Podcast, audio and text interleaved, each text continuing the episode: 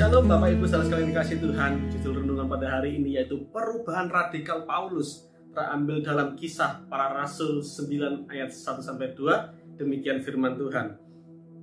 Judul perikopnya adalah Saulus bertobat. Sementara itu berkobar-kobar hati Saulus untuk mengancam dan membunuh murid-murid Tuhan. Ia menghadap imam besar dan meminta surat kuasa daripadanya untuk dibawa kepada majelis-majelis Yahudi di Damsik supaya jika ia menemukan laki-laki atau perempuan yang mengikuti jalan Tuhan, ia menangkap mereka dan membawa mereka ke Yerusalem. Bapak Ibu saudara sekalian yang dikasih Tuhan Yesus, hari ini kita akan belajar dari seorang yang telah diubahkan hidupnya dan menjadi pelayan Tuhan yang luar biasa. Siapa yang tidak kenal dengan Paulus? Ya, dia adalah lelaki dari Tarsus yang lahir dan besar dengan nama Saulus. Dia seorang penganut agama Yahudi garis keras yang sempat terkenal sebagai penganiaya para pengikut Yesus.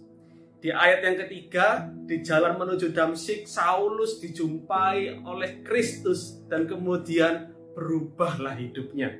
Dia mengalami perubahan hidup yang radikal sekali ia yang sebelumnya menganiaya orang Kristen diubahkan Tuhan menjadi rasul yang mengabarkan Injil sampai ke bangsa-bangsa.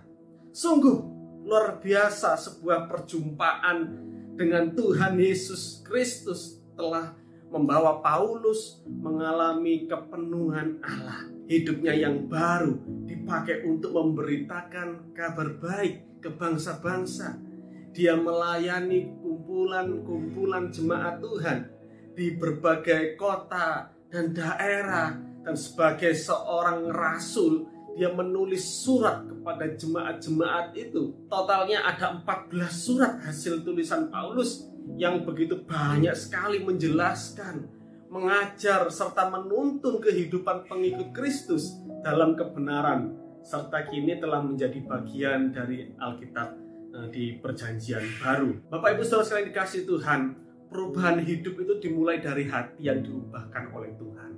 Perubahan hidup kita pun hendaknya nampak dan nyata dalam hidup kesehari-harian kita di keluarga. Buah dari perubahan hidup kita hendaknya pertama kali dinikmati, dirasakan oleh keluarga kita.